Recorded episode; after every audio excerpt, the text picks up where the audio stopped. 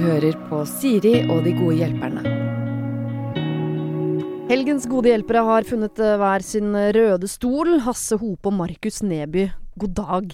God dag, god dag. God dag. Du fikk veldig overrasket blikk, eh, Hasse. Var det den røde stolen som du Nei. ramla der borte, eller åssen hva Nei, men jeg, jeg, jeg er alltid sånn i starten av eh, innspillinger. Da Jeg trenger litt tid på å komme inn i, inn i varmen. Ja, Du er, dårlig, du er ofte dårlig i starten, men fy fader så god du er på slutten. Er du gæren? Ja ja. Sabrura også, noen ganger. Ai, ai, ai, ai. Men da skal du få sitte og bli varm i trøya mens jeg sier til Markus gratulerer med eh, ferdig andre sesong av Kåss til kvelds. Tusen hjertelig takk. Er det, er det et vakuum i hjertet ditt nå, når dere er liksom off-season, eller hvordan, hva gjør du mellom? Det er bare godt.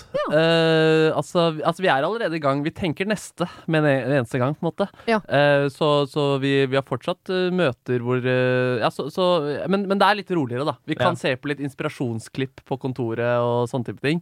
Ja. Eh, og evaluerer og, og sånn, da. Men, eh, men, men det, er godt å, det er litt godt å ha den lille pausen nå. Altså, det er en myte da, om at dere kjører oval julefeiring fra sånn midten av oktober og til godt ut i februar, liksom. Ja, Ja. ja. Det, det, det blir ikke helt sånn. Eh, Dan Børge kom innom kontoret og sa at vi var heldige som eh, ikke hadde sending i romjula. For det, det var jo sånn han holdt på. Men han er jo Jeg trodde han var ferdig i NRK. Altså, kommer han bare tilbake Ingen dag- er ferdig i NRK. Ingen er ferdig i NRK. Dan Børge er i hvert fall ikke ferdig i NRK. Han kommer jo innom eh, titt og ofte, da. Og Ja. så eh, Ja, og, og forteller litt eh, gode historier. Han er jo en fantastisk historieforteller. Utvilsomt var kanskje vår beste. Ja, det Ja. det beste. Jeg var forelsket i han da jeg var barn. Han Ja, var og det? Tande P. Man var bare forelsket i man. Det var de man så på Ja, det var de eneste kjendisene i Norge. Jeg, hadde følelser for Derek òg, så det er ikke noe sånn. sånn Man trenger ikke å klappe seg for hardt på skulderen hvis man er en av ofrene i andre enden der.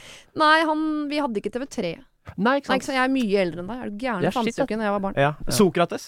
Sokrates syns jeg var hot. Ja. Knut Borge. Ja, nei, faktisk. Det, det beklager jeg. Det er beklager jeg. Uh, Hasse, apropos eh, hotness. Du sitter jo Oi. der blond og deilig, uh, og da er jo Oh. mitt spørsmål til deg som vanlig. Ja. Går det med kjærligheten? Nei, faen, altså. Jeg skulle ønske jeg kunne breake skikkelig kule nyheter om at jeg eh, har fått meg den rå dama fra Kongsvinger. Du har Men fått en dritkjip dame. jeg har fått den dritkjipe dama.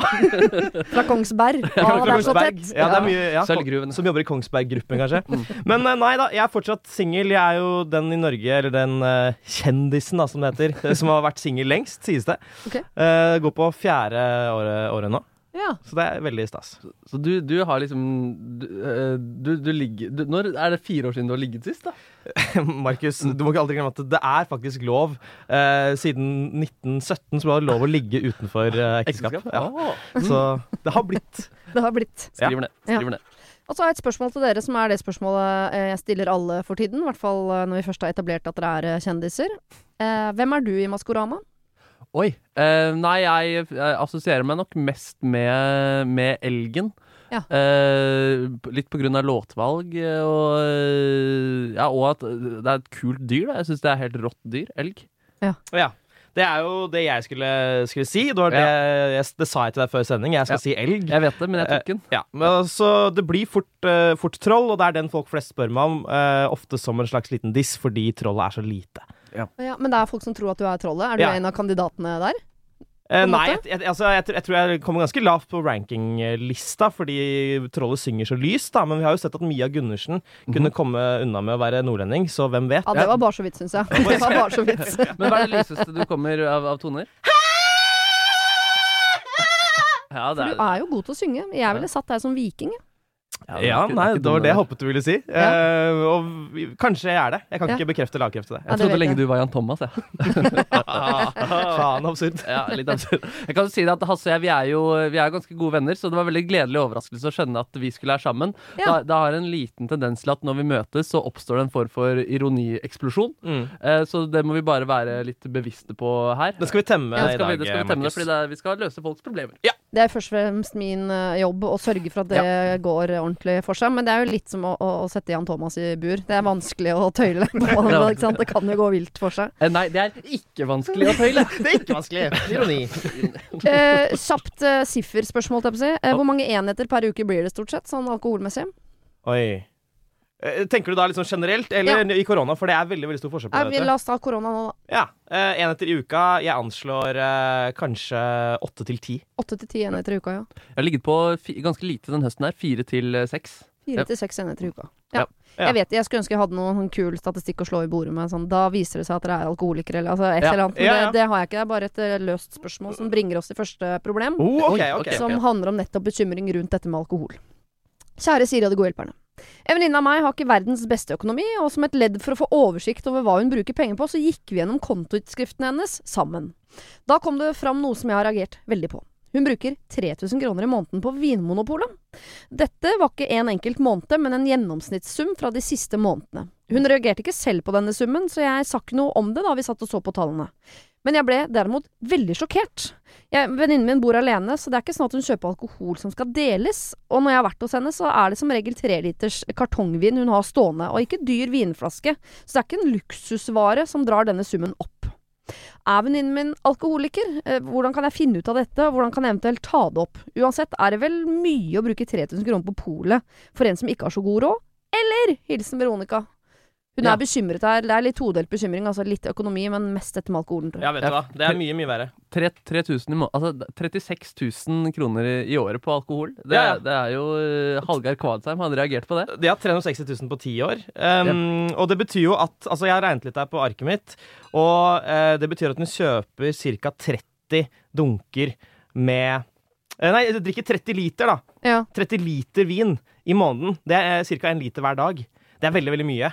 Altså, jeg har ikke eh, hjernekapasitet til å henge meg opp i det regnestykket, men det hørtes veldig mye ut. Ja, 30 100 kroner er du er sikker liter, på liksom? matten i det? Nei, altså, Det er 3000 eh, kroner I måneden? i måneden. La oss Ja. si at en dunk koster, hvis en dunk koster 300 kroner, da, Ja. så er det 10 dunker. Og hva er det i en dunk? 3 liter. Ja. 30 liter.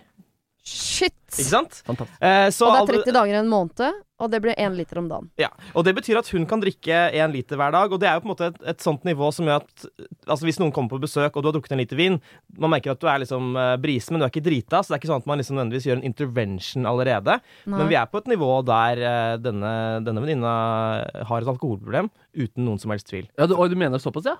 Ja. Ja. ja, men Kan det være at hun venninna som har sendt inn problemet, ikke bli, altså, eller blir, blir hun aldri spurt om vin? Eller uh, drikker hun lite selv? Er det noen andre hun drikker og koser seg veldig mye med? Har en liten fredagstradisjon hvor, hvor man bælmer nedpå med to kartonger ja, Det er kanskje for mye, rett og slett? Det er kanskje for mye, det? Nei, men det er godt poeng. da. Altså, hvis hun har innimellom har noen andre alkoholiserte venner om, på besøk, så blir det jo mindre på henne. Men ja, Ja, Du Jo, mener det er men- så mye at dette er altså, Man kan slå fast at dette er et alkoholproblem? Er ikke en liter vin hver dag Ja, for selv om hun plutselig klinker til med en, eh, la oss si en fem liter på en lørdag, da, eh, enten alene eller sammen med gode venner, så er det fortsatt mange liter igjen som Ja. skal drikkes i løpet av en måned. Ja. Og, der, og da vinen forsvinner ja, Hun må kjøpe det hver måned. Ja, ok. Jo, men hun har et alkoholproblem, hun der. Ja. Ja. Hva gjør man da? Hva skal Veronica gjøre? Kan man gripe inn i det? Eller forplikter man nesten til det som venninne, spør jeg retorisk. Jeg tror, nok, jeg tror nok jeg kanskje ville ha, ha starta en liten hvis, hvis det var deg, da, Markus. Ja. Eh, hvis du hadde kommet med sånne innrømmelser. eh, så ville jeg kanskje tatt en liten prat med deg. Kanskje dratt på besøk til deg og, og drukket litt vin. Og mens vi drikker vin, så sier jeg du, apropos vin, det blir litt mye i det siste. Har det ikke blitt litt mye? av? Jo. Ja. Jo, jo det, jeg er enig i at det er riktig å gjøre av en venn. Altså. Og når hun hadde fått, eh, fordi hun hadde fått tilgang til denne kontoen hvor hun så dette.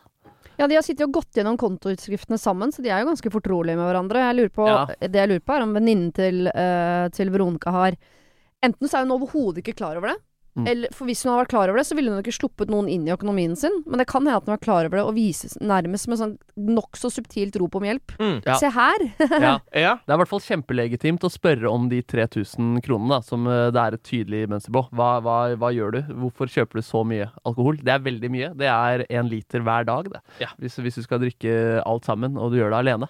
Ja. Så den, den der er jo, det er jo Hun har jo allerede inngangen sin til å ta opp dette her. ja. Vet vi alderen eh, til vedkommende, forresten? Nei. Nei, ikke sant? Fordi det er noe, altså Hvis du er 22 og drikker så mye, så, så, er, ikke man, så er man ikke nødvendigvis alkoholiker. Men hvis Da, du er, det, du, da er du på Tinder, da. Da er du på Ja. Mykket pent, Markus. Hvis hun er 65, så kunne det hende at hun lagde mye gryterett av den typen ja, som man bruker vin i. Ja, mye biff bourgogne, ja. Eller coq au vin. Ja. Og de, de tingene der. Nettopp. Hvis, du, hvis den er mellom 30 og 45, alkoholproblem. Ja. Ja, det er en luke der, ja. Ja, jeg synes det. Ja. Men eh, dere syns hun skal ta det opp, rett og slett? Jeg er bekymret for deg. Jeg, tror du har et, jeg tenkte på det da jeg leste gjennom kontoutskriften dine. Det er veldig mye vin. Jeg, synes, jeg er 100% Og det, hun, hun er jo usikker på om hun skal gjøre det, Fordi det er, det er jo litt ekkelt å gjøre. Og det, kan jo, det er jo en slags fornærmelse. Det kan jo være sårt eh, for vedkommende også. Eh, men nå har hun gått såpass mange runder. Hun har stilt spørsmål her er det riktig å gjøre. Hun har allerede tilgang på, på kontoen. Hun har sett en klar trend. Den må adresseres.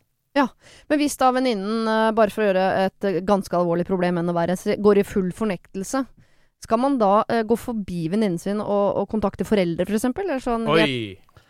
Ah. Jo, er det ikke fair da å prate med noen eh, rundt henne, da? Som er veldig Altså, jeg fikk tilgang til kontoen hennes fordi hun hadde et lite økonomisk eh, Eller vi ville få litt innblikk i den økonomien. Da så jeg en klar trend på 3000 eh, alkoholkroner i måneden. Jeg har spurt henne om det. Hun sier at hun ikke har et problem. Hva, tro, hva tror du egentlig er Fordi dette er ikke, det er ikke baksnakking, det. Det er jo eh, Det er ikke jo, baksnakking, men jeg synes det er jo umyndiggjøring. Da. Altså, jeg mener, hvis det var Herro, så vil jeg definitivt Hvis du har 3000 kroner på Herro, Ja. som vil si kanskje 3 gram, jeg vet ikke hva det koster, Mm. eh, så vil jeg definitivt ha kontakta foreldrene. Men det er liksom en liter om dagen. Det er mye, men det er ikke nok til at jeg føler at Altså, hvis noen hadde uh, snitcha på til mine foreldre når jeg er 34 år, jeg hadde klikka på Jo, men ikke foreldre, da. Hvis jeg hadde tatt opp eh, med deg at du hadde et problem, og du ikke var helt med på det, så kunne jeg tatt opp med en jeg visste du var glad i også, som ikke var foreldrene dine. Ja, det kan altså jeg en gå god på. kompis, eh, liksom. Ja, det kan Ja. godt gå sammen, eh, du og en kompis, mot meg. Ja, ja eller i hvert fall, det hørtes ut som du elsket den ideen der. ja, ja. Gjør det, dere. Hørtes Ja. mer ut som en trussel, faktisk. Prøv på det. Jeg syns du skal gjøre det. Lykke til. Nei, men i hvert fall at Veronica, at du skal ta en prat med venninnen din. Hun har jo, Dere er jo fortrolige. Hun har gitt deg innsyn i økonomien sin. Så det er klart at er det noen som har liksom posisjon til å bekymre seg for dette, så er det jo deg. Da syns vi du skal gjøre det. Og ta det opp. Og så må du se henne i øynene og se om det er noen fornektelse der. Eller kanskje hun har en god forklaring. Kanskje det er mye biff bourgogne eller et eller annet. Eller kanskje det har en vingruppe som ikke du er med i. Da har vi jo et nytt problem som du må sende inn. Men innsenderne skal faen meg få smake på den biff bourgognen. Det skal Ja. Ja, Og Ja, ja, kanskje ja. det kan være bare en siste Et lite innspill her. At, uh, hva om du dropper å kjøpe Altså Hvis du kjøper annenhver måned, så har du da 13 Nei, hvor mye blir det da? Du har noen 15 000, ja, 17 000-18 000 til gode. Vi drar på ferie neste sommer uh, og koser oss. Gjør det til en hyggelig, en hyggelig greie også. Ja, til Budapest. Til Budapest. Åh, dit har jeg lyst til å dra. Kanskje ikke akkurat nå, men en eller annen gang. Vi drar litt sammen! Vi skal over i pakkekalenderproblematikk. Eh. Da er det fint hvis dere byr på noen sånne triste historier fra barndommen om hvorvidt dere fikk eller ikke fikk. Hvis det fins. Ja. Men jeg kan lese problemet først, så kan dere Ja. tenke. Ja, ja. Det er snart tid for kalender igjen, og det er det samme problemet hvert år. Mamma, vi vil også ha sånn pakkekalender. Sjøl er jeg ikke oppvokst med pakkekalender. Vi har alltid bare fått vanlig sjokoladekalender, og jeg syns helt ærlig hele opplegget er hysterisk. Én pakke hver dag i 24 dager før man får pakker for flere tusen kroner. Det er galskap. Mm. Vi har OK-økonomi, vi, altså, så det er ikke der slaget står. eh, og ifølge barna så er de de eneste i verden som ikke får dette hvert eneste år, og jeg er verdens verste mamma. Pappa flyr under radaren på dette, som så mye annet. Det er jo lettest for meg å bare pakke inn 24 ganger to gaver, antakeligvis to barn, da. Slippe dette maset. Men burde jeg ikke stå imot her? Hilsen anti-nissemor. NB, jeg er ikke gjerrig, jeg er bare prinsippfast. Mm. Ja. ja, hørt den før. Mm.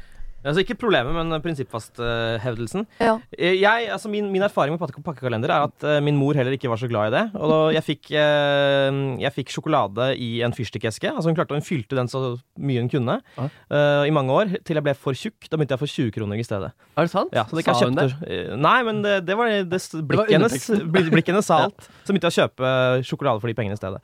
Um, men jeg var veldig misunnelig på alle mine venner, og tenkte at vi var en dårligere familie fordi jeg ikke fikk liksom en liten gave hver dag. Og du følte på klasseforskjell pga. det? Ja, og det var ikke nødvendigvis det at vi var fattigere, men jeg bare følte på det. Men, eh, Men- tok du det opp med foreldrene dine, det, der? Ja, ja, mange ganger. Ja. Men eh, du sa hun fylte en fyrstikkeske. Da har du på en måte fått pakkekalender. Hvis hun egenhendig har pakket ned sjokolade eller penger i en liten eske hver eneste dag. Eller var det 24 fyrstikkesker, eller én som fyltes hver kveld. Nei, det er, det er 24 separate som hun hadde tegna på, så ja, det skal hun Det er ha. en pakkekalender. Det, det er, det er en Det er- pakkekalender, det er det. men ikke sant? du vil jo ha strømper en dag, og så kanskje en veldig rar hatt neste dag. Altså, Du vil jo ha forskjellige ting hver dag! Ja, ja, du vil ha kostyme, du. Kostymekalender. er det Ja, det er det jeg vil ha.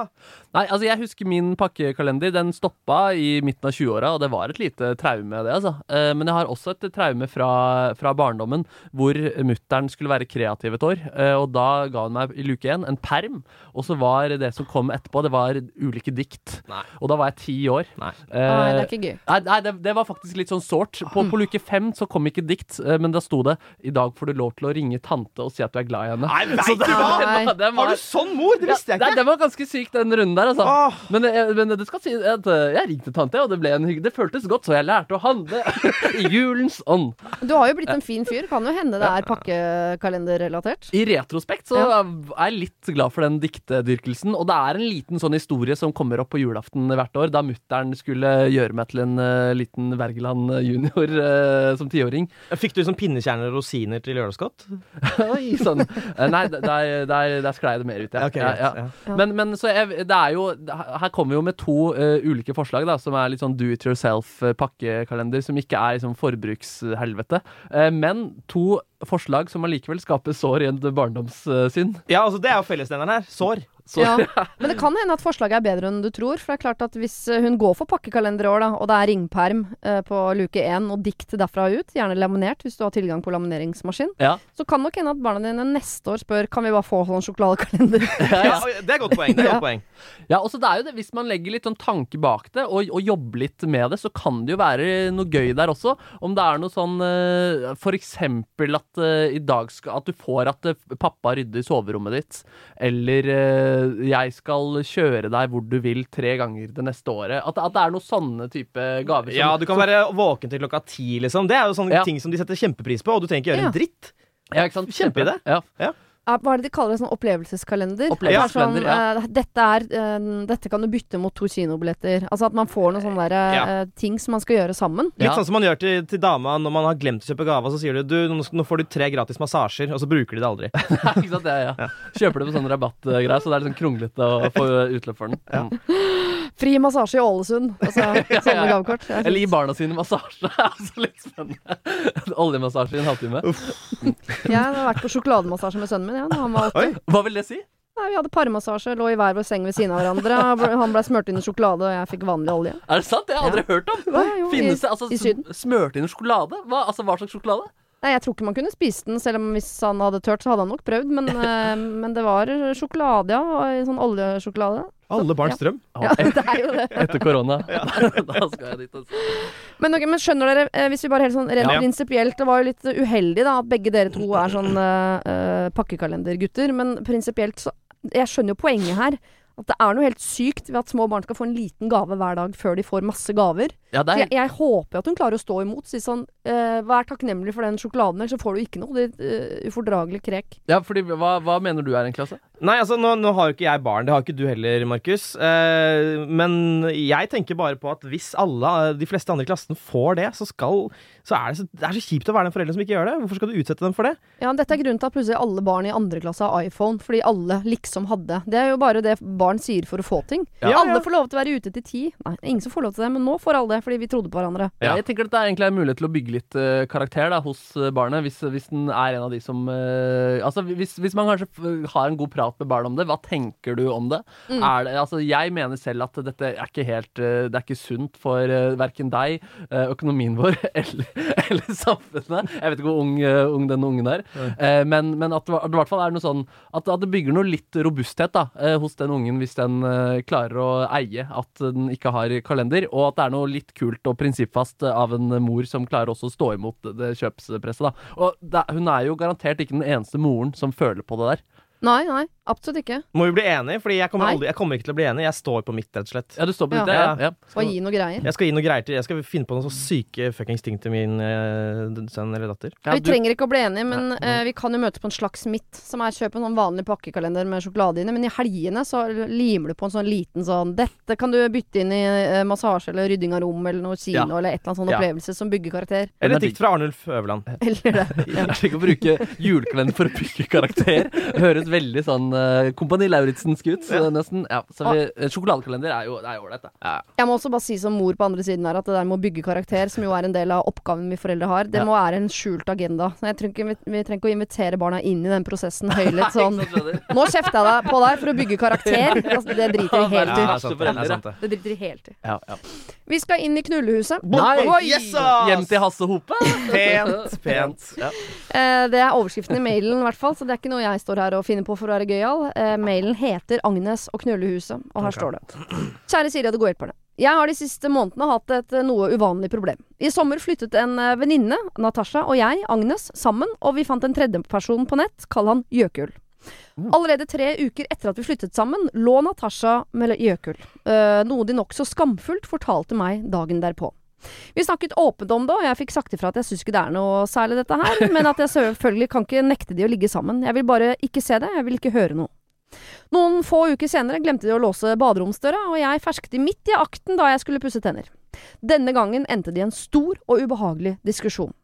Jeg har ved flere anledninger også hørt at de har ligget sammen, og jeg har prøvd å finne humoristiske måter å be dem om å være stille på, som å endre navnet på gruppechatten vår til Knullehuset, eller sende de en YouTube-video uh, som heter How to close a door. Alt for å unngå diskusjon, men likevel understreke et poeng, da. Natasha endte opp med å få følelser for Jøkul, som jeg jo visste, og jeg fikk ansvaret for å trøste henne. Samme uke eh, som det ble slutt mellom de, så lå Jøkul med en venninne av seg, samtidig som Natasha var hjemme. Dagen etter dro han på date med en annen jente. Dette forteller han også til Natasha.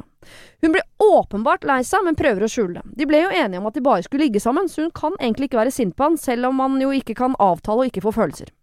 Helgen etter tar han med seg en tredje jente hjem fra byen, selvfølgelig uten å fortelle det til Natasha denne gangen.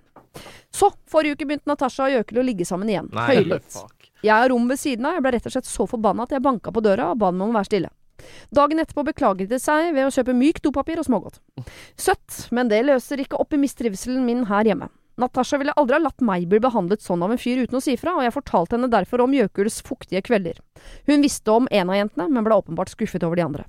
Jeg er ikke spesielt konfliktsky. Jeg har ved flere anledninger snakket med dem om hvorfor jeg syns dette er vanskelig, og hvorfor det er vanskelig å bo med dem.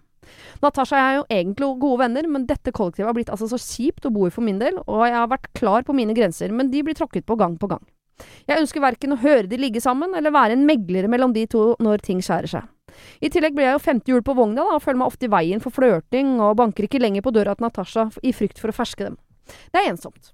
Å snakke sammen har ikke hjulpet stort. Å flytte ut er ikke et alternativ, da dette er min drømmeleilighet, og det var jeg som fant den. Jeg har allerede flyttet tre ganger i år, og jeg har prøvd å være forståelsesfull. Jeg har prøvd å ha åpen kommunikasjon. Jeg har prøvd å sette klare grenser for hva som er komfortabel. Eh, og jeg har prøvd å ikke bry meg. Vi har tidligere blitt enige om at det er Jøkul som må flytte ut om dette skjærer seg, noe jeg føler det nå har gjort, fordi jeg syns det er slitsomt å bo sammen med dem. Jeg har ingen konkret problemstilling her, altså, men jeg bare håper på hjelp. Hilsen Agnes fra Knullehuset. Ah, shit, Oi. ja, det, er, Det, det, er var mye. Ja. Det var kjempe, kjempemye. Og hun har jo prøvd alt. Det er vel nesten litt vanskelig å, å føye til noe på lista, men jeg hadde håpet at dere hadde noe, da. Men Ja, kan vi, kan vi koke det ned Vi må koke det ned til et eller annet. Hva, hva er det vi Skal vi finne ut av hvordan vi kan få ut Jøkul? Skal vi finne ut av hvordan hun venninna kan slutte å falle for han? Hva, hva, hvor, skal, altså, hvor skal vi begynne, liksom? Ja, for det fristende for meg er å si sånn Ikke bry deg, liksom. Jeg skjønner det Lydgreiene skjønner jeg er vanskelig, men bare ikke bry deg. Men det klarer hun åpenbart ikke.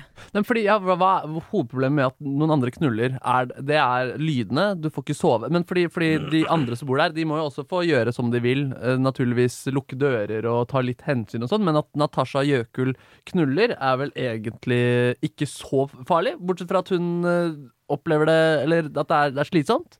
Ja, hvis man- nei, ja. Har- Men man føler, eh, jeg tror det er den følelsen av at de to har et eller annet. Ja, ikke sant? Det var hun og Natasha som var venninner, og nå Ja. er det plutselig bare hun som er liksom tredje hjul på vognen. Hun er i veien, de har noen Ja. hemmelige greier. Altså, jeg, jeg Sier du at hun er misunnelig, Siri? Nei, jeg tror ikke hun er misunnelig. Jeg tror bare eh, det er irriterende at det skal være liksom flaut for henne å være i sitt eget hjem, fordi hun Ja. føler at hun er i veien for de to som bare Ja. vil knulle hele tiden. Vi må få ut Jøkul. Ja, selvfølgelig må vi få ut Jøkul. Han er jo en, en dritt på to hjul, holdt jeg på å si. Eh, eh, han, han er en kjip eh, fyr, og han fortjener ikke at Natasha tar han tilbake. Og eh, hun som har sendt inn, fortjener ikke at Natasha Altså, Først lager hun masse sexlyder med åpen dør, og så skal hun trøste Natasha. eh, og så kommer hun tilbake og hører ikke på hennes råd. Dette er så mye drit på Det er en gang. ja. Det er Ja. kjempeslitsomt. Ja. Eh, hun skal ikke finne seg i det her. De må få inn en ny uh, aseksuell tredjeperson, eventuelt en uh, av, av samme kjønn, så de kan bli en litt sånn jente, jentegjeng. Mm. Um, ja, så hvordan får man ut uh. Er ikke det er her såpass mye komplikasjoner at han eh, sannsynligvis vil forstå problematikken de eh, tar med mot han? Altså, der, altså, Natasha fikk følelser for deg. Du lå med andre. Jeg var vitne til det. Jeg er en god venninne av Natasha. Jeg har sett det. Dere begynte å holde på igjen. Uh, ja, det er mange komplikasjoner, og vi har nå egentlig Hva tror du om å finne deg et annet sted å bo? Ja, den er fin, den. Ja. Eh, man kan også prøve å finne ut av hva er det Jøkul syns er nasty, eh, som ikke Natasha syns er nasty. For eksempel hvis eh, hun som har sendt inn eh, slutter å dusje, da, begynner å stinke. Så stinker det i leiligheten. Ja. ja. får lyst til å flytte. Uh, hvis kanskje hun kan begynne å lage lyder selv. Uh, late som at Ja. hun har sex, Med Natasha? men, for eksempel. Mm. Eh, altså bare gjøre det ubehagelig for Jøkul, sånn at Ja. han vil flytte. Jeg tror du Jøkel syns sexlyder er ubehagelig? Nei, kanskje ikke, altså. Han våkner av de lydene der. Altså. Gutter elsker sånne lyder. Hadde dere flyttet ut av et kollektiv hvor dere visste at dere hadde på en måte eh, 24 timers tilgang på eh, eh, ferskvare på en måte, i rommet ved siden av? Uff, det, det var veldig ekkelt med ordet ferskvare Ja, der. veldig, veldig. Um, Hmm. Altså, Jøkul virker ja, mm, Jeg, jeg syns det høres veldig rart ut å ligge, ligge med noen du bor med på den måten der. Og ikke, ikke bare Hvis du er en fyr som vil ligge mye rundt også, dårlig idé å ha en romanse der. Nettopp fordi du da sårer en annen person, um, og fordi du kanskje da må snike det litt inn og sånn, for å være litt hensynsfull. Men Jøkul gir kanskje faen i det. Jeg vet- Jeg vet ikke. Ja, altså Jøkul er en, en dritt på to hjul, som jeg sa i stad. Uh, så jeg, jeg ville bare vært ganske kjip. Hun sier at hun ikke er konfliktsky. Vært ganske kjip mot Jøkul, vært snill mot Natasha. Ja. Uh, og hvis Natasha sier nei, men og nå flytter jo Jøkul, så sier du nei, Natasha, nå skjerper du deg! Ja. Jeg har trøstet deg i mange dager etter Ja. han såret deg sist. Ja, Agnes har jo det magiske våpenet at hun ikke er konfliktsky. Ja. Hun har jo allerede sagt ifra med passiv-aggressive YouTube-videoer og uh, samtale. Så Mm. at hun tar en liten krig til her, uh, og kanskje blir litt uvenn med Jøkil, Ja. jeg tenker ja, la oss gønne på med det her. Men hva med eh, og altså Sannsynligheten for at det snart går dårlig mellom eh, Jøkul eh, eh, her, eh, er jo ganske stor. Ja. Ja. Kan hun ikke vente til neste runde hvor det går dårlig, og da få en alliert i Natasha og si sånn La oss få ut han fyren. For å få han ut nå mens de går rundt og er sånn eh, boblete og erter hverandre for de vet at de skal ligge sammen. Ikke sant? De har jo god stemning nå. Ja. Ja. Og Agnes det er mye av dette hun egentlig ikke kan si noe på, for de to må jo egentlig få lov til å holde på som de vil. De bor der, de. Vet du hva, Hun kan fremskynde den prosessen. Dette høres kanskje ut som nok et humorforslag fra lille, rare Hasse, men dette er helt ekte. Sett opp et kamera, eh, et skjult kamera i eh, stuen eller whatever, og en gang eh, Natasha ikke er hjemme, men Jøkul er hjemme, så prøver du å forføre Jøkul, Agnes, og se og, og lar det gå ganske langt. Ikke ligging, kanskje et nuss. Hva vet jeg. Mhm. Ja. Men såpass mye at eh, man kan på denne videoen se at Jøkul er fortsatt en dritt. Og så Ja. kan du vise denne videoen til eh, Natasha, som da vil bli veldig såret, men vil skjønne at Jøkul er ikke noe for deg. Ja. Og da foreslå Skal vi ikke bare be han flytte ut? Ja. Ja, For da er de to sånn, mot én. Litt sånn Janne Formoe på Kristoffer Schou i Team Antonsen i 2003-aktig uh, ambush. Det er akkurat sånn det Det er. Ja. Nei, det er dårlig idé. Å ja. Ja, på så Nei. mange måter. Ja. Nei, er Du, du fornærmer jo både Natasha og Jøkul, og du driver med skjult kamera. Så det er eh, fryktelig uetisk, med mindre du har noen veldig gode motiver bak. Det er kjempegode motiver! Ja, Forføre type, en som bestevenninna di er, eller en du bor med, er forelska i? Ja, for å vise at han er en dritt. Ja, men da har du også hun har jo sagt allerede at han er en dritt, da, og hun ble litt overraska over noen av infoene hun har fått. Så jeg tror det budskapet er mottatt. Jeg tror ikke hun trenger å jokke i fjeset på Jøkul for at det poenget, poenget kommer inn. da Komisk forslag fra lille, rare Hasse. Det var jo akkurat det det var. Jeg tror også Jøkul helt fint på egen hånd klarer å, å, å snart være idiot igjen. Ja. Uten Ja. noe sånn Ja. eh, pushing fra uh, Agnes. Mm. Så jeg tror bare man skal vente på at han blir idioten igjen. Og så Ja. gjør det de egentlig har vært enige om hele tiden. Hvis det blir noe trøbbel her, så er det Jøkul som skal ut. Ja, enig. enig. Og da er de to mot én. Jøkul må flytte. Og det er eh, de to da som må få inn en, en aseksuell eller en uh, likekjønnet. Jeg kan bli med på det, greit. Ja. greit. Ja. Vi skal over til eh, et nytt problem. Her står det Hei, Siri og Gårdperne. Problemet mitt oppsto under studiet som jeg fullførte for flere år siden, men det har eh, fulgt meg eh, videre i livet. Jeg er en supersosial eh, type. Jeg får lett venner, og jeg har sjelden eller nesten aldri havnet i konflikt med noen av dem. Mitt problem startet eh, på studiet i 20-årene. Jeg fikk en venninne som raskt viste seg å ikke være bra. Som i et slags misbruksforhold eh, hun, gikk vi raskt inn i en eh, dyp relasjon før hun begynte å bryte meg ned. Etter hvert oppsto det en konflikt som ble så direkte og stor at vi aldri snakket sammen igjen etter dette. Etter en lang konfrontasjon hvor jeg endelig turte å stå opp for meg selv. Hun behandlet meg som luft, hun baksnakket meg, og hun vendte mange mennesker mot meg. Det skjedde annet eh, at noen av hennes minions, som hun kaller da venninnene eh, For folk som ikke vet hva det er, så er det små gule soldater hentet fra en eh, tegnefilm. Grusomme meg. Grusomme meg. Som på eget initiativ kontak eh, tok kontakt med meg for å fortelle meg hvor elendig menneske jeg var. Og dette varte gjennom hele studiet i over fire år. Det gikk så langt at jeg kunne gå ukevis uten at noen snakket med meg, hvorpå jeg følte at det var noe galt med meg, og jeg gikk konstant med en følelse av skam. Vi bodde i utlandet, så hele studietilværelsen er i utgangspunktet en boble, og opplevelsene rundt dette ble dermed mye større enn ville vært hvis jeg hadde muligheten til å støtte meg på andre venner eller familie hjemme. Dette er mange år siden, altså. Eh, men eh, det er eh, flere av de som ble påvirket av henne under denne perioden, som i ettertid har innsett hvor dårlig person hun er.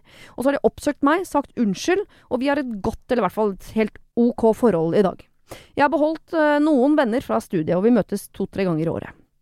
Mitt problem er at jeg kan merke at denne opplevelsen har preget meg på flere måter. Jeg sliter med å stole på hvordan jeg eh, interagerer med andre, jeg er redd for å si eller gjøre noe feil, og jeg er redd for å være den dårlige personen hun i mange år latet som om jeg var. Og som flere trodde på over lang tid. Hvordan skal jeg komme meg tilbake dit hvor jeg klarte å stole på meg selv som god nok blant andre? Og så kommer egentlig det mest konkrete eh, eh, spørsmålet hun har her. Jeg har et par venninner fra studiet som eh, jeg ikke ville vært foruten.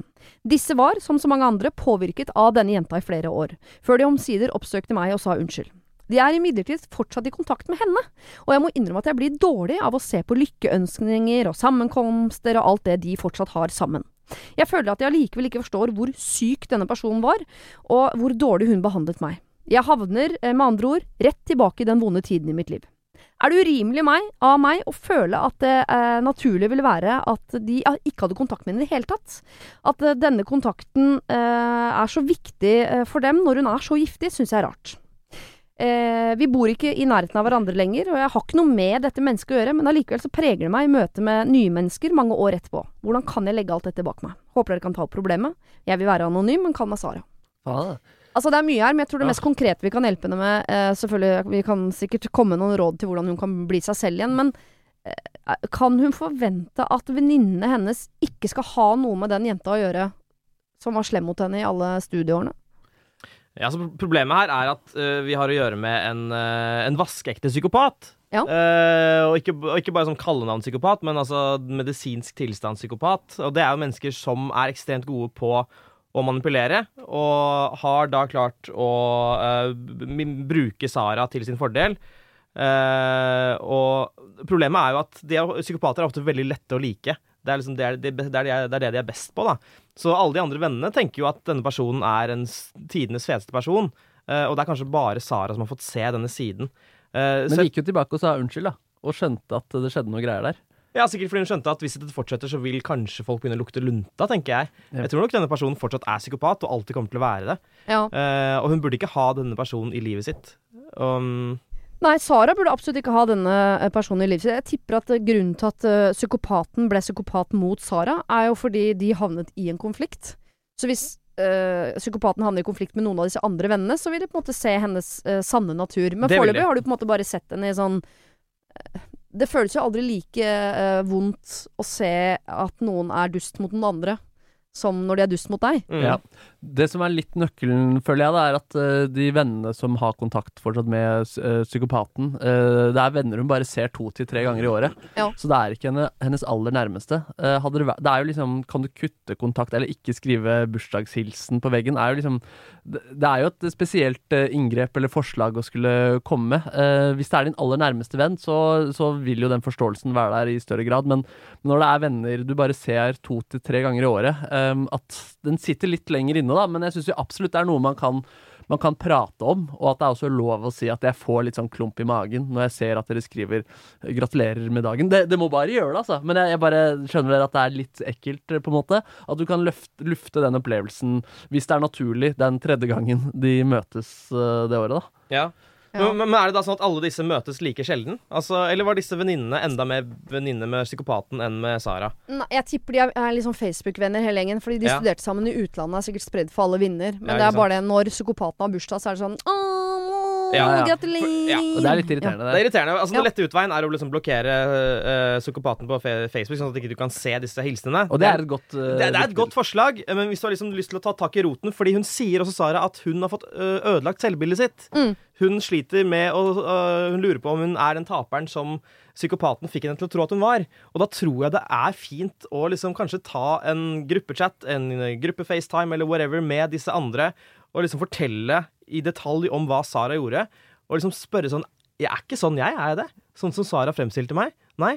Og så kanskje de da også vil se uh, lyset at, uh, altså innse at psykopaten ikke fortjener å bli holdt kontakt med. Det er litt sånn broderi på veggen-spørsmål fra meg her nå, altså. Ja. Men er det det selvbildet til Sara, er det egentlig liksom linket opp mot hva de andre syns om psykopaten? Eller er, kunne hun ha fikset det på egen hånd?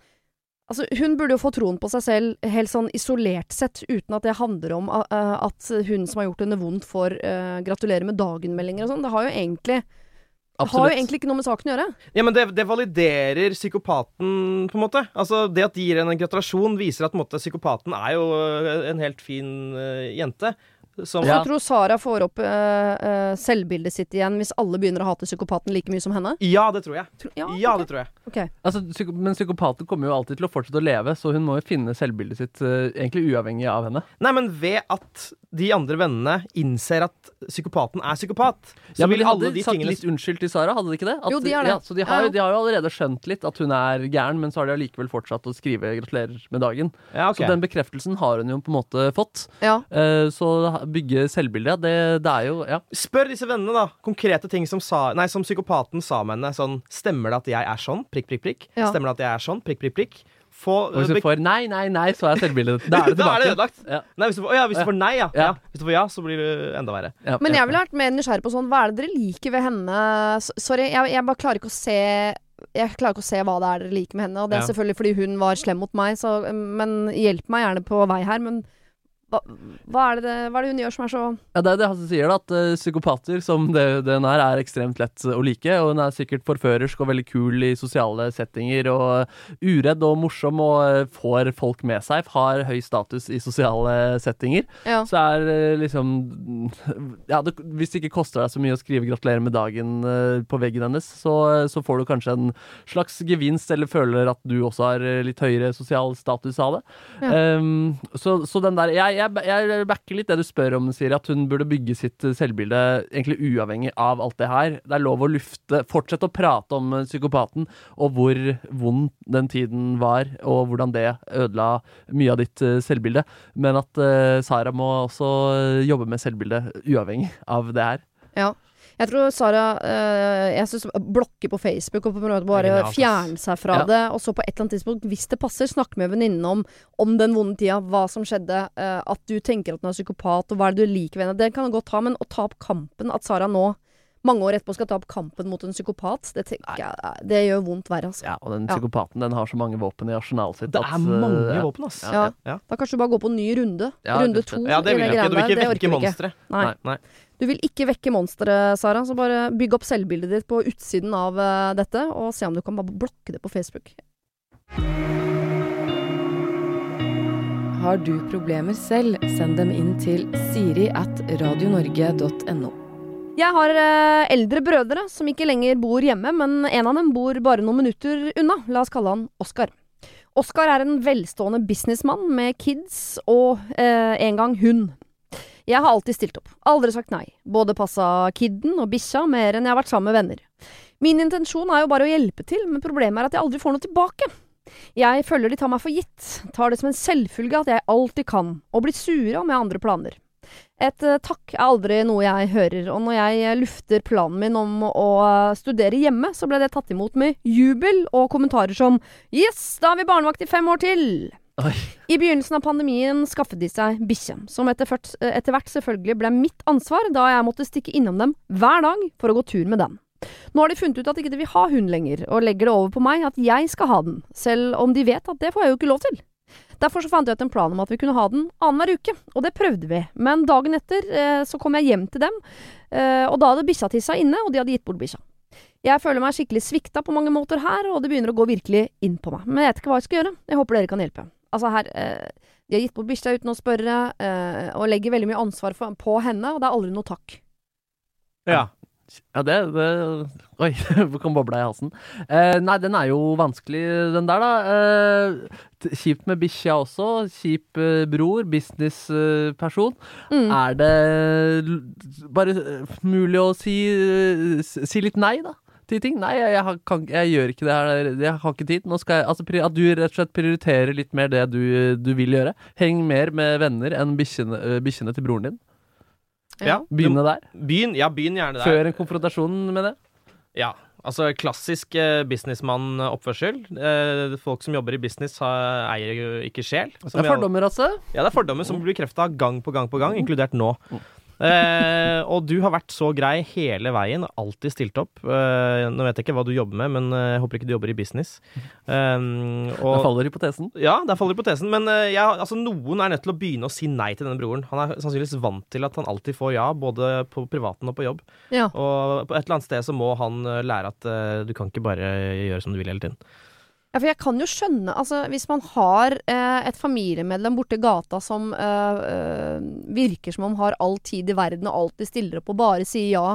Så, altså Fristelsen er jo veldig stor til å spørre og spørre og spørre, og etter hvert så forventer man også Eller man er så vant til at det blir ja, at det blir til en slags forventning etter hvert. Ja. Men det er jo og jeg, er ikke for å uh, på en måte hjelpe broren din her, men hvis du sier ja hver gang, men tenker nei Du, du kan ikke bli sur for at ikke folk spør Tenker du egentlig nei nå? Jeg ser du sier ja, men tenker du egentlig Det gjør man jo ikke. Nei, ja, Hun syns kanskje det er litt vanskelig å si, å si nei, da. Men, øh, men at hun forbereder seg på, på neste gang. At kanskje hun legger flere sosiale planer som gjør at det rett og slett krasjer. Og i hvert fall hvis hun har andre planer, ikke rydde vekk de øh, for å, for å hjelpe Oskar.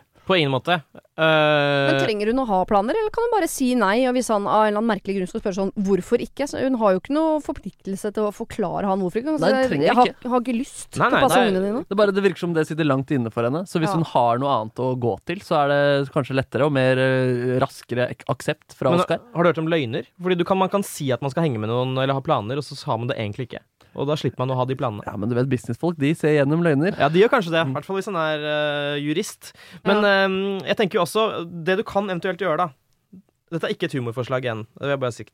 Skjult kamera Hver gang du sier sier det, så tenker jeg i hvert fall at det er det. Ja, ja. Så du vet det. Det er ikke noe skjult kamera. Uh, nei, jeg tenker hva med å ha et slags opplegg, da, et slags, eh, sånn Excel-ark i Mhm. Google Sheets, som dere har uh, felles på internett, eh, der det står sånn OK, eh, 5. november passet uh, bikkja til uh, Pål, eller Oscar, heter det. Eh, og så har man da en oversikt der man kan se hvem som har gjort mest for den andre. Og Mm. så er det kanskje sånn Det er maks eh, Nå har jeg gjort fem ting for deg, og du har gjort to ting for meg. Nå, er, nå må vi, vi må passe på at ved slutten av året så har vi gjort like mange ting. For, for Oskar, hvis vi skal eh, se positivt på det, så er Oskar en businessmann. Ja. Og businessmenn skjønner business. De skjønner Excel-ark. Så da, Ja. hun kan jo si sånn OK, eh, min asset er at jeg har masse tid. Din er at du har masse penger. Så eh, hvis dette skal fortsette, så jeg, kan jeg gi av min tid, men du må gi av dine penger. Og så vips, så har du en jobb. Ja, Hvis hun har den konfrontasjonen inne, da, og hvis man liksom skal samle opp masse ammunisjon med liksom et Excel-ark, eh, det blir jo en enda hardere konfrontasjon, og den, eh, den Men trenger det å være en konfrontasjon? Kan ikke bare være et businessforslag? Mer som en sånn eh, Som en gøyalt påfunn, liksom. Men at du får betalt for det, liksom? eller? Ja. Ja. ja Han er stinn! Han er stinn! ja. Jo, hvis hun er bekvem med å, å bli ansatt av broren sin. Det, det, det ødelegger jo noe av det der familiære hjelpebåndet der eh, også. Som bare går én vei. Som bare går én vei, ja. Men ja, Ja. at hun skal be om penger, da. Ja, jo, Ja. ja. Jo, men da kan hun jo innimellom, når, ikke sant, når hun har overskudd til å være god tante, si sånn 'Jeg har lyst til å ta med ungene på kino i dag', for hun kommer til å bli eh, en god tante som er glad i niesen og nevøen sin og sånn. Ja. Og da, da er det ikke sånn 'Men da skal jeg ha penger etterpå'. Det går ikke. Nei, nei. Men når det er et, en forespørsel fra sjefen, altså broren, 'Kan du passe i dag', eller 'Kan du hente', 'Jeg rekker ikke hjem', og sånn, da, da er du på jobb. Ja. Og så kan du være tante innimellom når du har lyst.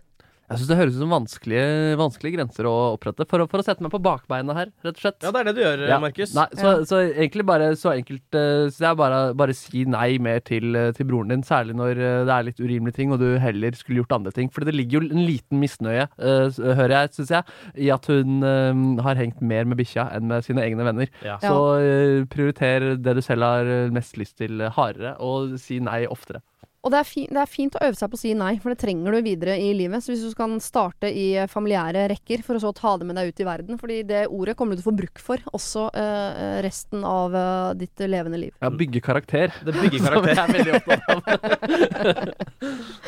Vi holder oss til problemer i kjølvannet av korona. Mm. Eh, jeg er en ung jente som har en stor flørt med en gutt.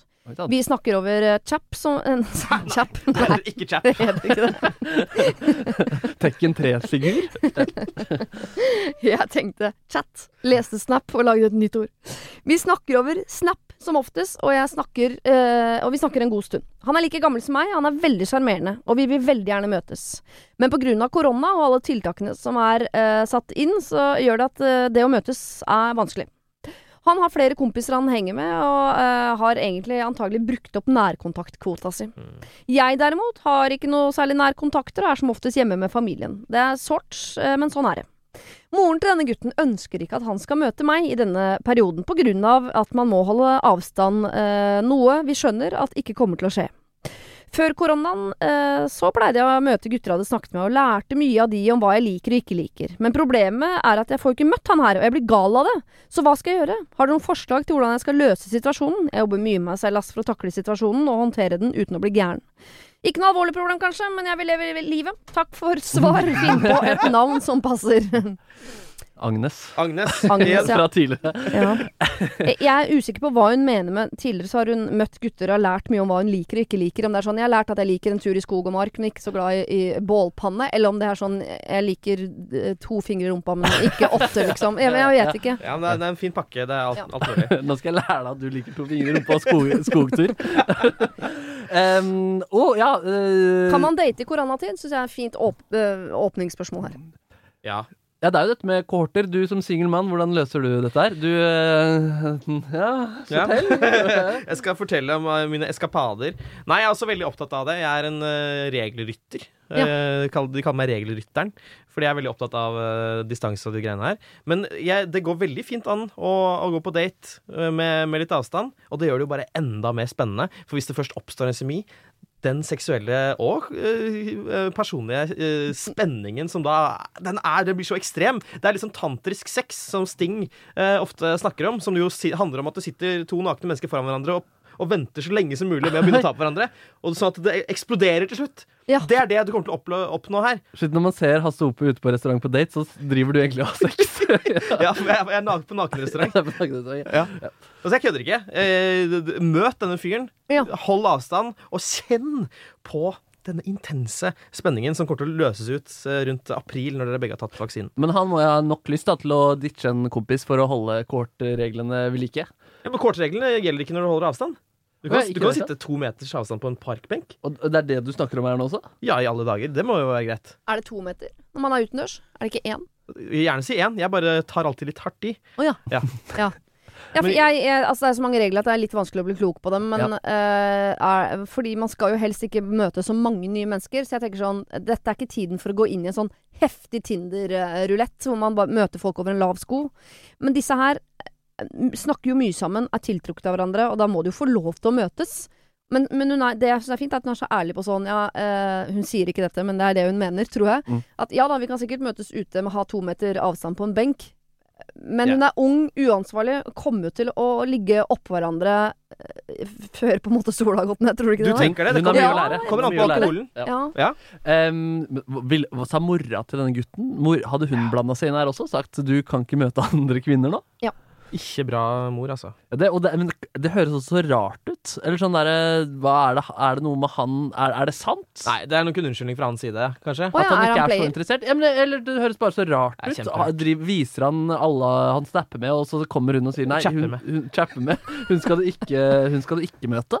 Og eh, dessuten har du brukt opp alle kohortvennene dine, så Nei. dette passer ikke. det. Ingen gutt snakker noensinne om en Tinder-flørt med sin mor. Det vil jeg bare ha sagt, altså. Det Er rett og slett en dårlig løgn også? Ja, det er en dårlig løgn. Ja, og av alle regler man bryter gjennom uh, ungdomsårene, så er det ikke sånn at her, Men her stopper jeg opp. For nå sier mamma at jeg ikke får lov, og da hører jeg på mamma Ja, ja. for første gang i oppveksten. Ja, og hun, eh, Agnes her, hun har jo alt på sitt, uh, på sitt rene. Hun er, lever jo et ryddig, regelryttersk liv. Så Mm. det er, hun har jo tatt ansvar her. Så hun uh, syns jeg kan gønne på og foreslå at de skal møtes eh, og være en nærkontakt sammen. Ikke skriv akkurat det, men i hvert fall få til at dere møtes. Mm. Um, og så er det jo da egentlig opp til han hvordan han eh, løser det, da. Vi tror her, Agnes, som vi nå har uh, døpt deg, uh, at dere faktisk har lov til å møtes, men jo at dere må forholde dere til reglene uh, utendørs og én meter avstand, de tingene der. Setter inn i det etter smak og behag. Og se på det som tantrisk sex. Tan ja, en tantrisk date. Ja. Eller et bilde som kanskje er nærmere pannebrasken for veldig unge mennesker. er Se på det som jawbreaker. Altså, du må sutte på det veldig veldig lenge før det blir myk tyggis. Ganske, Å, det har tatt lang tid, men da er det utrolig god tyggis. Utrolig god tyggis. Du og metaforer, Siri. Det er ikke dumt. Det ikke Og så svelger du den etterpå, og da setter den seg fast i magen. Ikke ta det bildet videre. Eh, nei, nei, nei. nei. Eh, så uh, jeg tror at det kan møtes, og så prøver dere å holde fingrene unna hverandre. Og klarer dere ikke det, så er det ikke sånn at dere ikke har brytet regler så, hvor mamma har sagt dette er ikke lov før. Så det blir jo bare nok en greie på lista over ting man egentlig ikke skal. Lykke til, da. Veldig uansvarlig, Ja, jeg må lykke si, men ja, lykke til. Tantrisk. Og det var ikke meningen å plante ideen i hodet ditt om at dette er noe han ljuger om for å slippe å møtes. Nei, det det er greit å være litt vei. føre der også. At Ja. uh, man kan jo liksom, hvis man blir for gira, bli liksom, lage seg en historie som stav stemmer overens med det du, det du vil. Ja. Ja.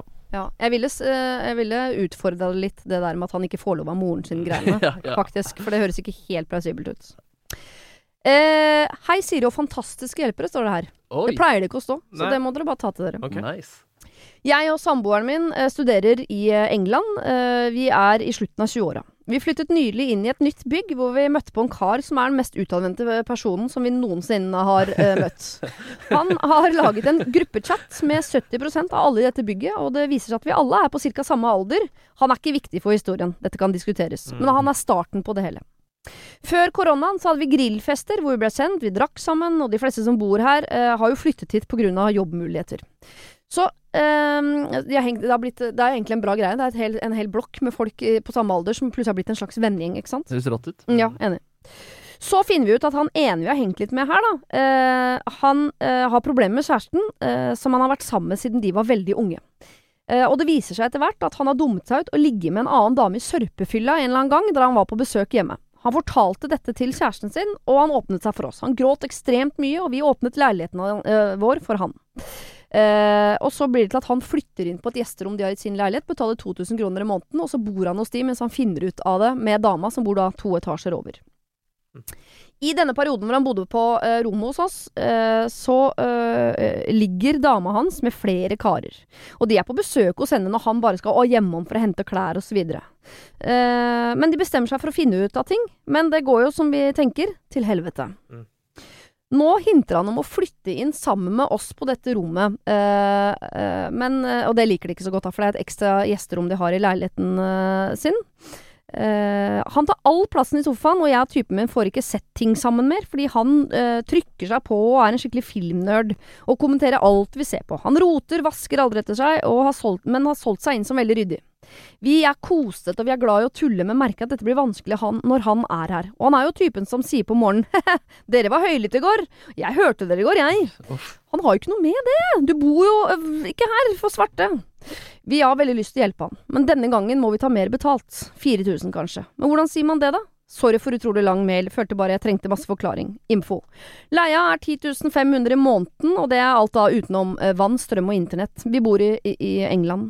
Vi er studenter, vi sliter med at jobbene våre er stengt pga. korona, og vi tjener lite. Vi har også en hund. Jeg håper dere tar problemet mitt alvorlig, for vi sliter. Eh, kall meg Mika. Altså, Oi, Eh, skal de la denne fyren flytte inn for 4000 kroner? Og hvis ja, hvordan skal de få sagt det til han? wow. Det høres Wow. ut som det var bare minuser da med at han bodde der, bortsett fra at de er greie, og Ja. at uh, han betaler 4000. Og de trenger pengene. Og de, og de trenger pengene. Ikke ett eneste vennlig ord om denne fyren. Uh, Han hørtes jo fryktelig irriterende ut. Kjempeirriterende. Og det altså, hørtes ut som de allerede har nok agg å føle på der. Dette høres litt ut som altså, Alle sitcomer som varer en viss uh, mengde år, vil ha en episode der uh, kompisen til uh, han ene eller hun ene flytter inn og blir her for lenge. Det vil alltid skje. uh, alle elsker Raymond, Friends, you name it. Da. Så dette er en veldig klassisk sitcom-situasjon. Så det er mye lærdom å hente der. Um, men ja, som, som vi har påpekt her hvis dette var en sånn fyr som bare øste av- om seg med gode historier og lagde deilig mat og Hvis det var en eller annen setning om det, så hadde jeg tenkt sånn OK, kanskje vi kan få det til å funke, da. Men det virker bare kjipt. Jeg tar plassen og kommenterer. Ja, det, Kommenterer høres som, det høres jo faktisk ut som en sitcom-karakter som er overdrevet. Ja. Uh, uff, nei, den, den Ja, nei, altså jeg tenker umiddelbart De trenger pengene, da, men er det andre måter de, eh, de kunne fått tak i penger på i så fall, da? Jeg, jeg vet ikke, de, de har ikke jobb. Kunne man begynt med, med livestreaming? Skal vi begynne å legge opp hva de kan tjene penger på? ja, jeg, tenker, jeg tenker jo, altså han altså Mika altså, Du vil ikke at han fyren skal bo hos deg? Nei, Det- altså, nei. Han er en psykisk plage gjennom, fra morgen til kveld. Han tærer på forholdet eh, til deg og kjæresten din. Dere er Ja. kosete. Dere liker å se på film, men han sitter bare og kommenterer og er en filmnerd i tillegg. Ja. Som i tillegg påpeker at dere knulla kvelden før, Ja, og dere syns ikke det er gøy. Det er jo et mareritt. Ja. Men nå har det jo bare vært en sånn vennskapstjeneste hvor han har liksom vært der. Det har jo vært veldig midlertidig, så de har ikke lagd noe som helst regler eller vaskelister eller kjørt De har ikke liksom hatt noe som helst annet enn sånn OK, stakkars deg, du kan være her eh, til ting ordner seg. 2000 kroner. Ja. Ja. Hvis de skulle gjort ja. dette, så kunne de jo satt seg ned og tatt husmor og sagt sånn OK, hvis du nå skal bli en, en samboer med oss full time, så er det 4000 kroner, for det første. Og så må vi ha en del regler. Yeah. Sånn og sånn er vaskereglene. Eh, vi trenger så og så mye tid alene i stua. Eh, vi vil ikke ha kommentarer på når vi har hatt sex. Jeg er fullstendig Ja, ja, ja, klar over selv.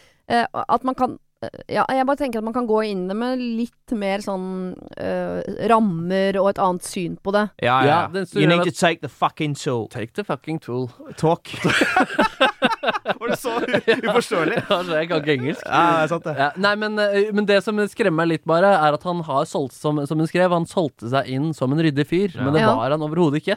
Så han har allerede måtte måte brutt den ene tingen han har lovt at han skulle gjøre. Ja, Men fram til nå har han jo bare vært på besøk på mange måter. Jeg Ja. pleier ikke å rydde jeg er på besøk hos folk. Nei, men eh, allikevel at han ikke plukker opp noen signaler med at han tar så stor plass. Eh, det er jo åpenbart at de liksom eh, ikke har sagt ifra direkte om at de syns han er irriterende, men at de har strålt ut noe, det tviler jeg ikke på.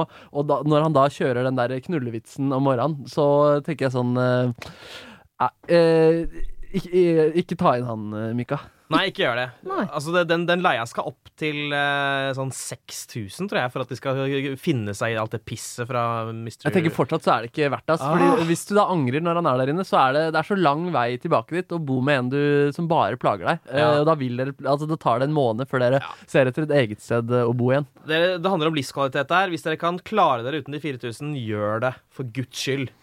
Ja, eh, eh, men kan, hvis de hadde delt eh, husleia på to, da, for nå er det 10.500 de har hvert sitt soverom, så egentlig burde det vært liksom 5250 per soverom. Ja. Eller så kunne man tenkt per person, da blir det jo mindre enn 4000, da.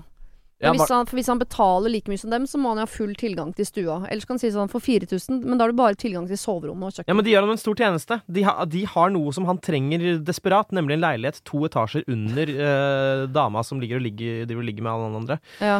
Så, så han skal betale litt ekstra for det. 6000. Ja, men Hvis han også betaler ekstra, så har han da også en form for uh, Han får litt ekstra makt av det. Så Det er jo noe han kan slå i bord med. Ja, men jeg betaler mest, så da eh, er det litt sånn mer innafor at sofaen er eh, hans, da. Selv om det ikke er det som er utgangspunktet. Høres det, det, det, altså, det her, jeg eh, Nei, du, er du litt sånn, eh, Siri, at han, eh, de må jobbe med Altså prøve å løse det? Ja, fordi han høres ut som en fyr som det går an å inngå en del sånn For de fleste problemene som er i et eh, bokollektiv, da, er jo der fordi folk er konfliktsky, liksom. For de tør ikke å si fram ting osv. Dette Ja. er en fyr som tør å si fram ting. Han sier på morgenen sånn 'Hørte deg knulle i går?' Altså, han er der. Ja, ja, så dette er en fyr man kan snakke med om absolutt alt, tenker jeg. Og da burde det ikke være noe veien for å si sånn 'OK, du kan få bo her, men vi liker ikke at du sier fram dette'.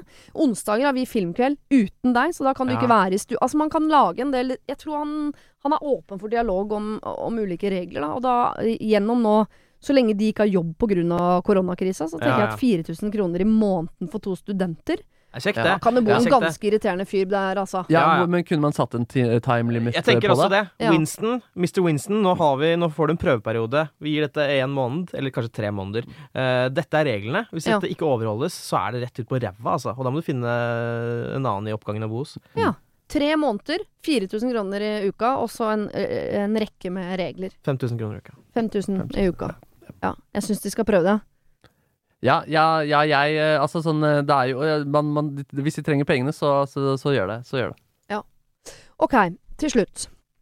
Er naboen slem? er overskriften på dette. Det er umulig for oss å vite, men vi må spekulere litt i det. Mm. Vi bor i en hyggelig, stille gate litt utenfor Bergen. Alle naboene kjenner hverandre godt, og godt nok til at vi i hvert fall sier hei, og vi kan ta en prat over hekken. Barna leker sammen i gata, vi låner sukker av hverandre, osv. Men vi er ikke omgangsvenner, så vidt meg bekjent, da. Noen hus oppi gata bor det et par som er av den mer sjenerte sorten. Altså, de hilser, men de møter ikke blikket, vi ser dem aldri ute i hagen, det er alltid mørkt der, osv. Vi har en sønn som leker med deres sønn. Vår sønn er seks år, deres sønn er åtte år. Men de virker jevngamle. Allerede her er det noe muffens. Bare sånn, Det sier jeg som mor. Bare så det der borte. Ja.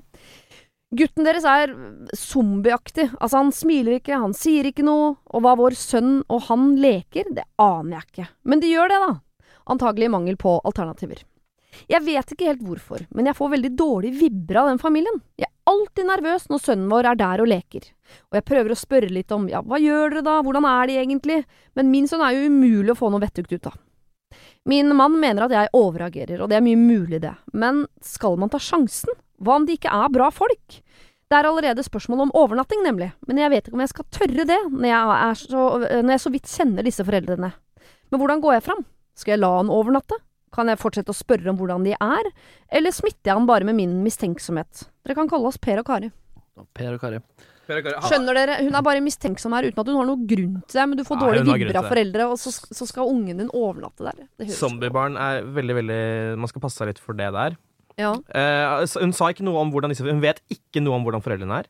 Nei, i beste fall er de bare veldig sjenerte. Ja, ikke sant Ja, som barnløs så, så klarer jeg ikke helt å liksom sette meg inn i den bekymringen man kan ha for barnet sitt der. Så, Fordi du så, mangler empati? fordi jeg mangler empati og er psykopat, ja. Ja. Eh, så, så, så umiddelbart så tenker jeg jo at eh, Ja, at eh, som hun også spør om, om hun overreagerer, og at hun, hvis sønnen eh, har det hyggelig og er virker glad og fornøyd før han skal dit, og er glad og fornøyd etterpå, at det ikke er noe så mye å stresse, stresse med, da. Men det å få til et møte med andre foreldre er vel, det er vel mulig, når man skal, hvis man skal hente ungen eller komme innom, eller og, og få et større inntrykk. Det, det kan vel Man kan vel begynne der, da, istedenfor å eh, spre usikkerhet hos sønnen. Definitivt. Jeg er født med ekstreme empatiske evner, som, som gjør at jeg klarer å sette meg inn i situasjonen til foreldre også. Ja. Um, og jeg tenker at uh, det er ikke snakk om at denne kiden skal få overnatte før dere har invitert hele familien hjem på middag uh, med barn og foreldre og full pakke. Uh, og skal sitte og snakke med dem i hvert fall én til to timer. mm. Og prøve å finne ut av om det er de som har gjort kiden sin helt, uh, helt uh, zombie i, i hjernen. Eller om det bare er gutten som er uh, litt rar. En tung sosial prosess, da. Ja, men for, ikke liksom- for, ki- for barn Vil du si men, men, det er, men det er jo kun liksom de, de, Fordi de er litt sjenerte, så, så har du så stor bekymring at du må ha dem på middagsbesøk. Noe de sjenerte vil synes er helt forferdelig og vil uh, underprestere sosialt i. Jeg syns jo dine empatiske evner her er eh, utrolig imponerende, Hasse. Men ja. det oser også litt av naivitet som folk uten barn, og også folk med bare ett barn har, som tenker at man selvfølgelig skal bli god venn med alle foreldrene til vennene til barna sine. Ja, Det, det tenker man på forhånd, og man begynner med det også på barn én, og så kommer barn to, og så Det orker man ikke. Det, jeg har ikke nubbesjans til å bli venn med foreldrene til alle barna mine. Nei, men det er ikke alle barna Det er ikke alle som barna som er zombier. Nei, men du vil jo i hvert fall er ikke ha de som vennepar. inn Altså, hvis du har møtt en zombie, så tenker du så kan Å, har du en mor og far som er zombier jeg kan bli venn med? Det tenker man ikke. Nei, nei. Men det er klart at jeg skjønner det smarte i å bli Jeg tror hvis mine barn skal sove borte, etter hvert så må jeg bare liksom stole på at de får øh, øh, mat og dyne, på en måte. Men når de er så små som seks år, så tror jeg jeg må kjenne foreldra i hvert fall litt før ungene mine får være der på overnatting, ass. Ja. Aner Ja. jo ikke ja, fordi hva er vanligvis grensen eh, der, da? Jeg aner ikke. Nei, jeg, nei. Jeg, husker, jeg husker ikke når jeg begynte å overnatte hos folk. jeg, Men 17-18, var det ikke det? 17 jo, jo, Men hvis du syns naboen er litt skummel, ekkel Du har ikke noen grunn til å synes det, du bare syns det. Og så sender Ja. du bort ungen din der på seks år skal overnatte der. Ja, nei, det er vel lov å si nei. Det er vel eh, for å bygge karakter hos, hos barnet. Så er det vel uh, Ja, det er vel ikke Ja, jo, jo men å si, å si nei, det er vel, det er vel rett og slett innafor. men å allikevel få et inntrykk av foreldrene på veien dit, det er vel uh, også noe å gjøre. Ja, men, ja, altså, men jeg tenker jo også jeg, jeg holder fast på dette med å ha en middag, og ikke minst fordi dette er naboer som du da altså Hvis du klarer å bli trygge på dem, Ja. så har du en trygg havn som kiden kan være hos når du trenger barnevakt. Altså, det, er, det er så mange fordeler uh, med å bli kjent med naboen Mm. at du klarer å sette av to timer til akkurat denne familien. Ingen andre Ja. familier. Nei, jeg er enig i det, for det er jo noe veldig fristende ved at, uh, at de kan begynne å overnatte hos hverandre, og plutselig så er det en fredag hvor han er hos de, og da kan dere ha kjærestetid, men han er borte. Men du, det blir jo ikke noe eh, det blir jo ikke noe koselig hvis du er nervøs hele tiden og lurer på om kommer barnet mitt nå hjem som zombie, eller hva. Så jeg er enig i at det, hun må bli kjent med de, men to timer middag hjemme, vet jeg ikke. Men dra bort der og på en måte ta en kaffe hos de, da. Jeg tror jeg ville ha sett huset deres. Ja, om det lukter rart. Ja. Dra i gang en litt sånn litt for, ja, sånn smalltalk, jeg, og så ikke gi deg, selv om de prøver å lukke døra hele tiden. Sett foten i døra, og hold samtalen gående. Ja, og sørg for å få se alle rom i huset. Lat som du er veldig opptatt av sånn husbygging og sånn uh, radon eh, Du skal ja. radonsjekke kjelleren. Ja, kjelleren er sånn, viktig, altså. det altså. er ikke noen sånne rom med bare myke vegger, dere, aktig, som med lås på utsida og ikke innsiden. Altså, jeg ville bare mm. Det må Ja. være lov å være litt mistenksom på det uten å bli helt ko-ko. Ja, og Hvis du kjenner noen i politiet, så kan du få dem til å gjøre en bakgrunnssjekk på begge foreldrene. Kan man det? Ja, ja. Det gjør de uten å mukke. Er det sant? Ja, ja. Hva, hva gjør man da? Nei, altså, Politiet har jo en database som de kan søke opp hvem de vil, så lenge de er litt mistenkelige på dem. Oi. Ja, ja, ja. ja, Så, ja. også hvor man bare sier Hei, jeg er litt mistenksom på naboen. ja og så sier de nei, vi skal egentlig ikke gjøre det, men siden vi er veldig gode venner, så skal jeg gjøre det for deg Oh, ja. i lunsjpausen. ja. Så de må ha veldig gode venner som jobber i politiet? Ja, Ja, okay. det fikser dere. Mm. Da kan, har dere her et uh, valg som eh, Det høres litt ironisk ut, men det er ikke så dumt. Nei, er helt- enten helt får dere mener veldig gode venner i politiet, eller blir litt bedre venner med naboene for å skjønne litt mer av hvorfor Eller hvor mistanken kommer fra. Da. For 99 så er den helt ubegrunnet. Og da er det jo dødskoselig at sønnen deres kan uh, sove over hos kompisen sin nede i gata. Mm. Men jeg ville ha undersøkt lite grann. Lite grann. Det er spennende hvis uh, hun sjekker hos politiet, og så, bli, og så er det fortsatt noe ubehagelig der. Bare, men jeg sjekket jo opp hos politiet. Ja. Eh, Hasse og Markus, tusen takk for at dere kom hit med de eh, deilige blonde mankene deres Mm. og kastet lys over folks eh, problemer. Jeg tror eh, vi går en eh, fin førjulstid i møte, takket være bl.a. hjelpen fra dere. Det var veldig hyggelig å få være her. Veldig, veldig Vi har kost oss. Veldig kost Ja. masse, masse. Hørte, jeg har også blitt ironisk av at dere er her. Det, selv om jeg mente ikke det jeg sa noe ironisk. Jeg bare syns det hørtes sånn ut. Jeg, jeg stoler ikke på min egen innlevelse lenger. Jeg skjønner, Plutselig er du fanget av ironien, ja. Ja. Vær forsiktig. Mente jeg det, liksom? Ja, ja. Jeg er usikker. Jeg Jeg- prøver igjen. Det jeg har vært kjempehyggelig å ha dere her. Det har vært kjempehyggelig å være her, Siri. Veldig, veldig hyggelig å være her. Det var det. Husk å sende ditt problem til siri at radionorge.no om du vil ha hjelp. Denne podkasten er produsert av Rubicon for Bauer.